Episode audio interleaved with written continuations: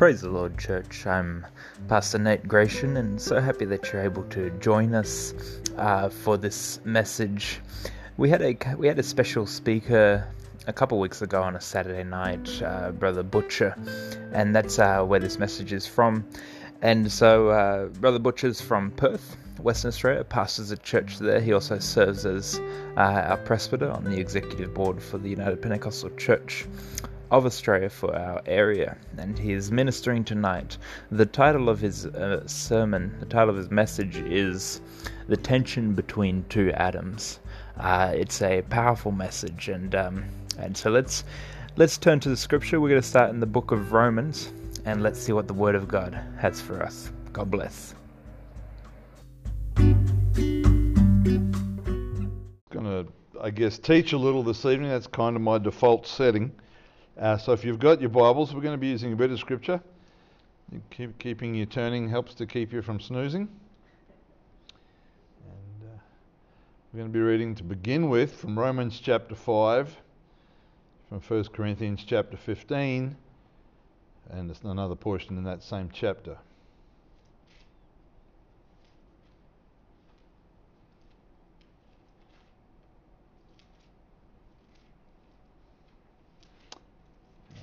I know when I'm preaching or teaching to folks that have been serving the Lord for a significant number of years, you're often teaching things or telling things that they've heard before.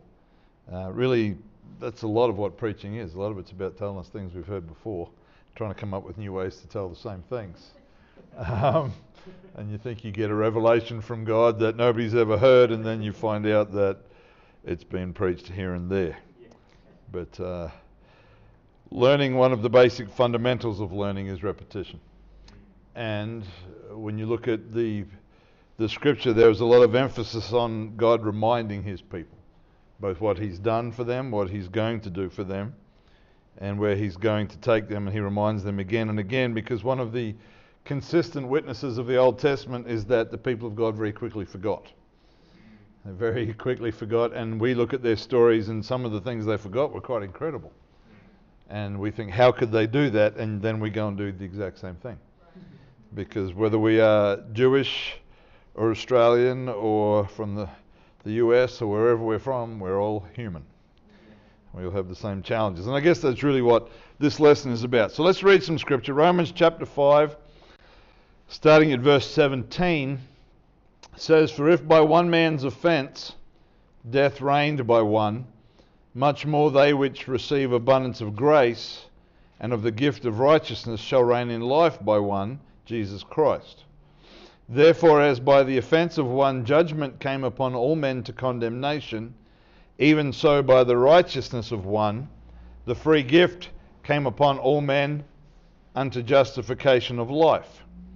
For as by one man's disobedience many, we could read all, were made sinners, so by the obedience of one shall many be made righteous. 1 Corinthians chapter 15. Just want to pick out two verses here. 1 Corinthians 15 and 22 says, For as in Adam all die, even so in Christ shall all be made alive. And then verse 45 says, And so it is written, the first man, Adam, was made a living soul, and the last Adam was made a quickening spirit, or a spirit that makes us alive or gives us life. And uh, my message or lesson for this evening is, is titled The Tension Between Two Adams. The tension between two Adams. Romans informs us that through the offense or disobedience of Adam, that sin, death, and condemnation were passed on to all mankind. And that when Adam, together with Eve, sinned, they introduced corruption to humanity. And so, although you and I are not held accountable for Adam's actions directly, as some falsely believe, that corruption that's placed within us because of his sin produces naturally occurring lusts and desires that are contrary to God and we understand produce sinful actions in each of us from a very young age. And it is those actions that we are accountable for. We are accountable for our own actions. Nobody has ever had to teach their children to lie. It's just something that kids learn to do very, very young. When they realize that they've done something wrong and they're looking for a way out, they will quickly tell a lie. No, no child is ever taught, okay, this is how you lie. but all children do it, usually long before they go to school. Long before they learn to read and write, they learn how to lie because we are corrupt. We're born with a corrupt, sinful nature. When our, hopefully my daughter won't listen to this recording, but when our our daughter was maybe about three or four years old. She'd done something wrong. And I asked her, Did you do that? And she said, No, it was Matthew, her brother. Unfortunately, at her age, she hadn't stopped to think that her brother was actually at school. And I said, Your brother's at school. And she goes, Am I going to get a smack?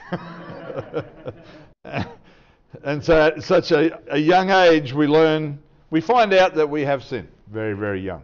Most of us don't rob banks at the age of three or four, but we do find that there is a corrupt, sinful nature which produces actions that we are all accountable for. And so while we may be able to discuss and debate the exact details of the how and why, the combination of Adam's sins and my actions makes me a sinner guilty in the sight of God. He passed on the nature, I followed through with the actions, and I'm busted. And so if we go, we all understand if we go back far enough, Adam is the great granddaddy of all of us. And so although we do not have matching physical family traits, we all have matching sinful natures. Every one of us has those. And so because of that, as we read in Adam, or in the natural man, all die. And uh, the contrast of the opening passage that we read from is that through one man death came, but through another man, Jesus Christ, life, grace, and righteousness came. And the first, the first one was earned by action. Sin produced death. The second, the life, was offered as a free gift by the love and grace of the Lord. First Corinthians refers to both men as Adam. First Adam and the second Adam, or the last Adam. We know that Adam in Genesis is the father of the human race because we all descend from him. Jesus, being the last Adam, is the father of all who have spiritual life, for all of those that are born again of water and of spirit because he is that quickening or life giving spirit. And in this comparison, Adam introduced death through sin, Jesus introduced life by defeating death and rising again. Adam's body went into the grave when he died, where it awaits the resurrection at the last day. The body of Jesus also went into the grave, but he rose again and ascended into heaven with a glorified body. And so when you and I are born again of water and spirit, and I don't need to preach that too strongly to the audience we have tonight, we should all have that squared away. But when we are born again, we believe and we understand from God's word that we are ready for heaven. Yeah. Or as Brother Slack used to say, ready for heaven going. That's what he used to always say. And if we die before Jesus returns, our bodies, just like Adam's, will wait in the grave for the resurrection. Yeah. Yeah. But if we are alive when he returns, that same chapter in 1 Corinthians tells us in verses 51 to 52 Behold, I show you a mystery, that we shall not all sleep, but we shall all be changed. And in a moment, in the twinkling of an eye, at the last trump, for the trumpet shall sound, and the dead shall be raised incorruptible, and we shall be changed. And the fulfillment of the promises of God, where not only will we be born again, but our bodies will be changed or transformed or glorified to be just like the Lord's glorified body. But right now, between the now and the not yet, between the right now and the trumpet, however long that is, we're still in the body of the first Adam, but we're filled with the spirit of the second Adam. And there exists, because of that, there is a tension that exists between the two. Tension, according to the dictionary, is a strained state or condition resulting from forces acting in opposition to each other. There's tension in a, in a wire or tension in something, there's, there's an opposite force happening there that creates that tension. Even in relationships, there's tension when there's opposing views and ideas and opinions. And we're all married here, so we can all say amen, hallelujah, praise the Lord. We understand how that works, that it's possible to have opposing ideas who we never thought we could when we got married, but we found out that it is actually possible. And there is plenty of scripture that refers to this tension as a battle, as a struggle, or even as a war. That the desires, the will, the thinking, and the actions of these two Adams are in fact opposite the one to the other. And when we repent of our sins and respond to the gospel, we make a choice to die to that old life. We, we are making a statement that I will no longer be controlled by the first Adam. And we begin a new life in relationship with the second Adam, who is Jesus Christ. But because we don't literally physically die, the old Adam is still very much around. And anybody that's walked with God for longer than about 10 minutes can say, yes, he is still here. Still very much on the scene. And if we want to continue the life that we have begun with the second Adam, we have to make a choice daily for the first Adam to die. Yeah. That has to happen every day. That's why, and I know I'm preaching to the choir to a degree, but that's why we need to do more than just pray through from time to time. It's good to pray through, but it just can't be something we do randomly and here and there and everywhere and think that everything's going to be fine. And that's why our daily time with the Lord is so important. Because the strength of the new life is directly impacted by the dying to the old life. The two cannot coexist, one must yield to the other. And unfortunately, no choice, as we understand, is a choice. Because if I do not choose to put the old Adam to death, he will reign. The new Adam only reigns by choice and invitation. The old Adam loves to take over, he has no manners. But Scripture makes it clear that the new birth begins new life, and that new life begins the process of new living and growing. New life is easy. New living and growing, not always so easy. Amen. And we understand the Bible lets us know that just like natural babies, there's a need for growth and maturity. And there are two words that are used in the New Testament that are very similar in meaning that are often used as part of that to describe that process of growing. The words perfect and complete. Matthew 5 and 48 says, Be ye therefore perfect, even as your Father which is in heaven is perfect. Colossians 2 and 10 says that we are complete in Him. And the word perfect appears more than the word complete, but the meanings are pretty much interchangeable. Uh, the significant thing about these, these words is that the scripture uses them about us, or the people of God, in two different ways. First of all, it speaks about us as already being complete or perfect, but it also speaks about us as continuing to be perfected, or we are still in that process.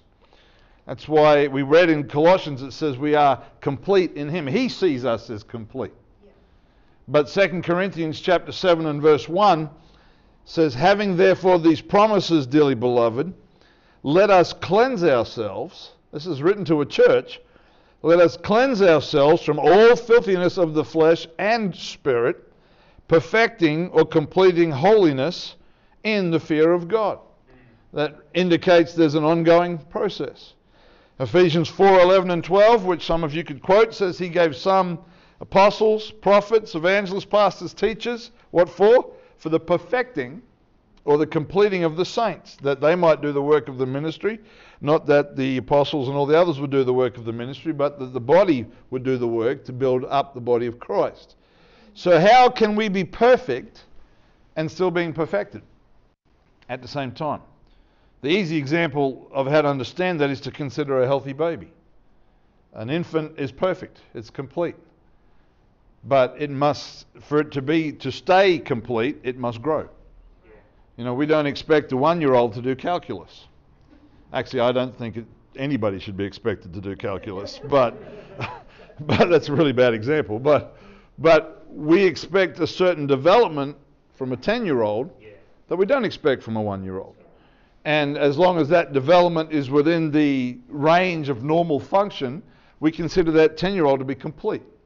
It's much the same spiritually. The Lord does not expect a brand new saint to be able to teach a 10 part series on systematic theology. But He expects us to grow. He expects us to mature and not to stay infants. Uh, you know, a piece of fruit, a, a flower that's, that's, that's blooming, there is a process. Uh, when a banana first appears on a banana tree, a little tiny green thing, nobody's going to eat that. But it's perfect. as long as it doesn't stay that way. As long as it grows and becomes edible. And so it is for us spiritually. Born again believer has new life. They're complete in Jesus and ready to meet the Lord. That saint that can't tell you much doctrine at all, that's just been baptized in Jesus' name and filled with the Holy Ghost, is ready for heaven. They, they probably can't teach a Bible study. They, they probably don't even know a lot of the Word of God yet, but they are complete in Him. And there are things that in time they will change as both through the teaching of God's Word and the conviction and the moving of the Holy Ghost, they'll grow and they'll mature. But they're not any more ready for heaven. And this, this process takes time. It affects the way we walk and talk. And it takes place in the tension between the two Adams. That's where that growth process takes place because growth makes us more like the last Adam, more like Jesus. The absence of growth leaves us as a prisoner to the first Adam. 2 Timothy 3:16 these are all some of these are Sunday school memory verses but all scripture is given by inspiration of God and is profitable for doctrine reproof correction instruction in righteousness why that the man of God may be perfect. So the four portions of what the scripture is given to us for, two are basically saying this is what you do. The other two are basically saying this is what you don't do. Don't do that. It's all about why? That we may be complete. 1 John 2 and 5 says, But whoso keepeth his word, in him verily, or in him truly, is the love of God perfected. So God's love is extended to everybody, but it's only those that keep his word that that love is able to reach perfection. Hereby know we that we are in him. Again, same theme, 1 John 4 and 18. There is no fear in love, but perfect love casts out fear. So when we are still struggling with fear, there's an imperfection or an incompletion in our love relationship with God. Sometimes that's the struggle to accept that God loves us. There's a lot of factors that can be in that, but perfect love casts out fear. Why? Because fear has torment, and he that feareth, again, written to believers, is not made perfect in love. Because God has not given us a spirit of fear. Amen. And God's word is the written expression of his love for mankind. So the greater we understand his word, the greater we should be awestruck by his love for us, grateful for his love for us, and not be fearful. Amen. The love of God is able to complete and perfect its purpose only when we obey it. And yet, then the Apostle Paul in Philippians 3 and 12 still spoke about how, even though he was possibly one of, some would say, some have described him as the greatest Christian of all time. I'm not sure how you measure that. I don't know what the, what the scale is for, but he was a significant Christian. Let's at least say that. But he said, he said, uh, the way I'm living is not as though I've already attained or I was already perfect. But he said, I'm following after. There's a pursuit. He said that I, it's Philippians 3.12, that I may apprehend that for which also I am apprehended of Christ Jesus. He, he understood how powerful the work that the Lord had done in him, and he wanted to take a hold of that for himself as much as he could. Amen. So when we love the Lord with all of our heart, we want to please him, we want to be like him, we want to change or be perfected in him. And the big question is how does that happen? After we've been born again, we learn the word, we learn how to apply it to our lives. But you see, much that we learn about things like faithfulness. And again, it's Saturday night, you guys are here. We don't have to discuss faithfulness. But faithfulness is a part of where we learn to grow and be perfected. And much, again, as soon as we're born again, we're ready for heaven. But as we grow, much of the change that God wants to bring about is at the level of our character. It's not at the level of our spiritual status. We're His children. But it's our character because that old Adam, if we're honest, has got some ugliness in him. He's not a really nice guy. And so the new Adam is trying to squeeze out the old Adam, and that requires us allowing that process to happen. And that's where the tension gets real. That's where that tension gets real because the first Adam likes the blessings of God on his life, but he doesn't like the change. The first Adam likes the miracles of God, but he's not real interested in sacrifice. The first Adam likes God's provision, but he's quite happy to keep his old heart and mind just as they are. Thank you very much. The first Adam likes others to love him, but he's maybe not so keen on loving others, particularly those that aren't his flavour. The first Adam justifies his actions as a response to the actions of others, whereas the last Adam measures his actions according to the will of the Father. Yeah. That's the tension that exists yeah. in all of our lives. In 1 John 4 and 12, it says, No man has seen God at any time, but if we love one another, God dwells in us, and his love is perfected in us. It's always very sobering to me that my relationship with God is so often measured by my relationship with my brothers and sisters. And I mean, the Bible, particularly in the first epistle of John, there is a really powerful emphasis on the whole if you want to love God, you've got to love your brother. There's no other way to do it. That's just how it is. And the Lord has a way of using our brothers and sisters to perfect us. And uh, there's, there's a verse that the Lord has really used to speak to me that's not in my notes, but it's. Um, I better look it up so that I'm not making up scripture just for the fun of it. I believe it's in first. It is in First John again in the first chapter. Just the, the order of this verse really, the Lord really used this to speak to me. It's in First John one and seven. It says, "But if we walk in the light, as He is in the light." We have fellowship one with another, and the blood of Jesus Christ, his Son, cleanses us from all sin. The structure of that verse starts out with us walking in the light as he is in the light, which that's okay. Then the end of the verse is, and the blood of Jesus Christ, his Son, cleanses us from all sin. But the middle of the verse is, we have fellowship one with another. And what that tells me, or what I, what I think the Lord was trying to teach me through it, was as much as we cannot take away each other's sins. Only the Lord can do that. The fellowship is a part of the cleansing. As we walk with Him and fellowship, He cleanses. It doesn't happen in isolation. I wish we could just some kind of go in a little cubicle, just you and Jesus once a week, and He just cleanses us and makes us all good. But He uses His body because it's His blood, and it deliberately says the blood of Jesus Christ, His Son. It's deliberately focusing on the incarnation and what he endured as a part of our cleansing process. And blood operates in the body. We've got people with more medical training than I have here, but his blood operates in his body. And again, I can't take your sins away, you can't take my sins away. But that fellowship, we're walking in the light and in fellowship, he's using those things together. I'm walking with him, I'm walking with you, he's using that to cleanse me from all sin. And that's a little sobering. Because really, walking with God would be a lot easier without, without, without other people. Paul said in 2 Corinthians 12 and 7 through 9, he said, Unless I should be exalted above measure through the abundance of the revelations, in other words, because I've had such incredible spiritual experiences, so that I don't get a big head and start to think that I'm the next Messiah, there was given to me a thorn in the flesh, the messenger of Satan to buffet me lest I should be exalted above measure. And for this thing I besought the Lord thrice, that it might depart from me. And he said unto me, My grace is sufficient for thee, for my strength is made perfect in weakness. And as a conclusion, Paul then says, Most gladly, therefore, or because of this, I will rather glory in my infirmities, that the power of Christ may rest upon me. Whatever Paul's thorn was, and that's one of those things that preachers argue about when they're bored and they run out of things to argue about.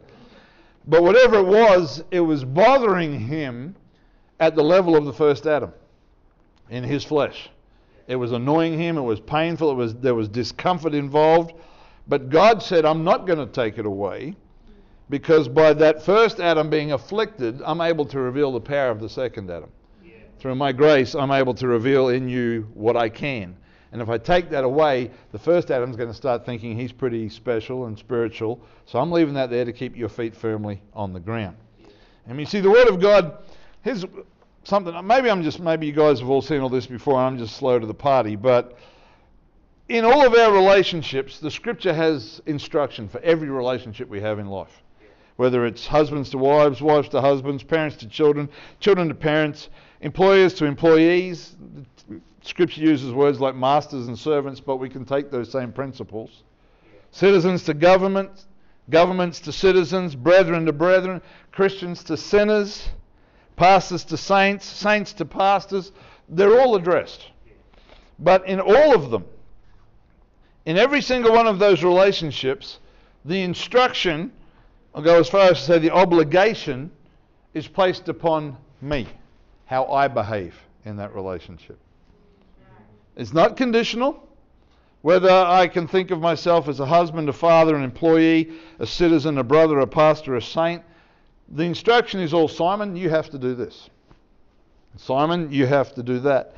Unfortunately, the Bible never says, Simon, love your wife as you love yourself as long as she does what she's supposed to do and that you feel that her conduct is acceptable. That part's not there. Because that's how, that's how the first Adam operates. The first Adam operates in a relationship based upon the behavior of other people. You know, you're nice to me, I'll be nice to you. But the second Adam says, Husbands, love your wives as Christ loved the church and gave himself for it. End of the statement. End of the end of the instruction. Not as long as she does. And so the second Adam is I have to do what pleases God regardless of the behavior of other people. And that's really hard. Because the first Adam says, My conduct and my misbehavior is not my fault. Because somebody else caused me to do it, or because they failed in their responsibility, therefore I am excused from acting out. That's the world we live in. We live in a world where it's always somebody else's fault. And there, look, there is, there are bad relationships, there is abuse, there's mistreatment, but everything is a parent's fault, a teacher's fault, a government's fault. Uh, nobody's taking responsibility for who they are anymore. Yeah. And we may not realize it, but that's the subtlety of the devil because when it's not my fault, why do I need to repent? Yeah. Part of repentance is owning my conduct. And so if I'm not, if it's not my fault, what do I have to be sorry for? That's of the devil. Amen.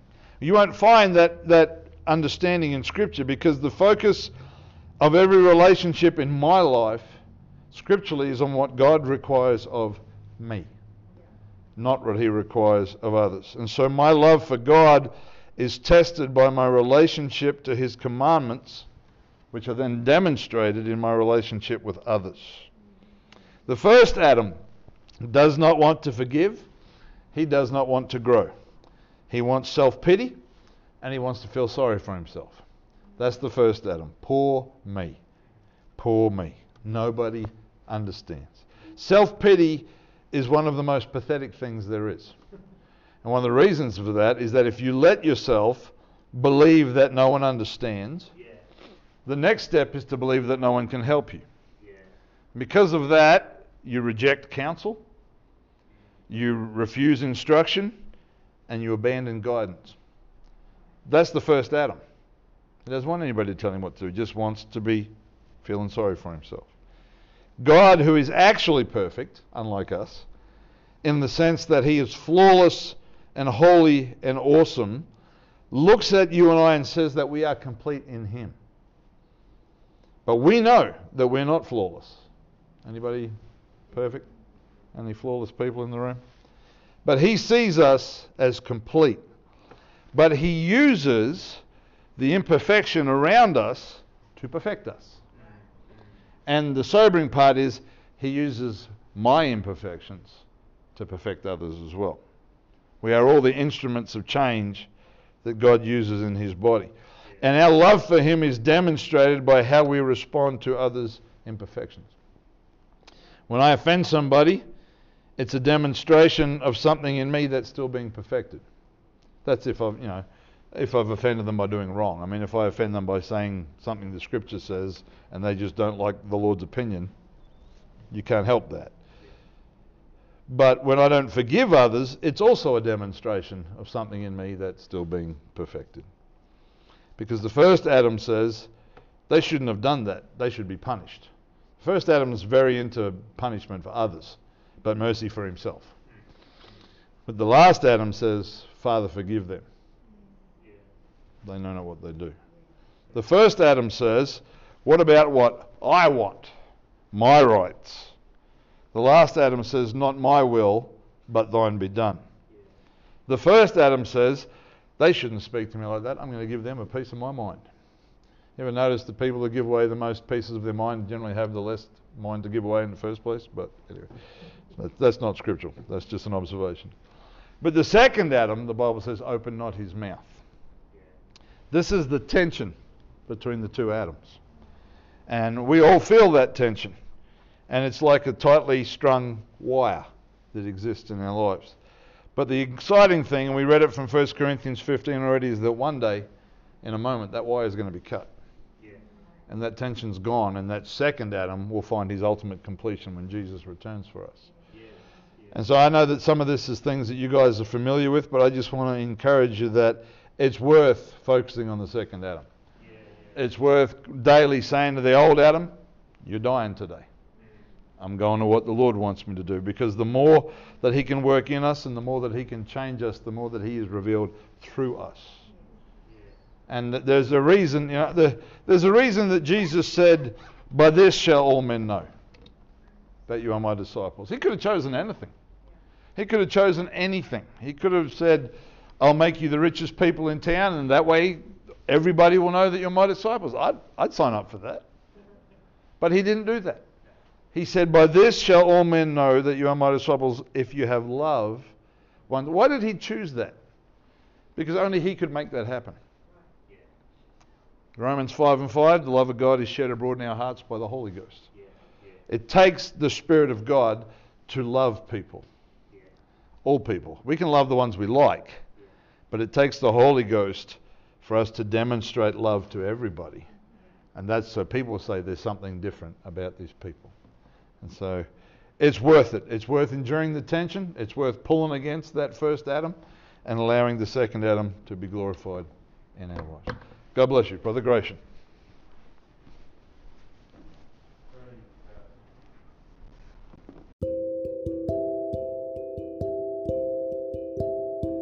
Thank you for joining us tonight. I pray the message ministered to you and blessed your life. And it is so important that we remember uh, through the week that we allow the first Adam uh, to die and that the second Adam um, rule our lives. Uh, just uh, pray that this will just help you, and I pray that you're strengthened through the week. And uh, if you want to get more information about our church, the Lighthouse Church here in Alice Springs, you can find out more information at alicelighthouseChurch.com. That's alicelighthouseChurch.com, or find us on Facebook, Instagram. And uh, thank you again for listening. God bless. Have a great day.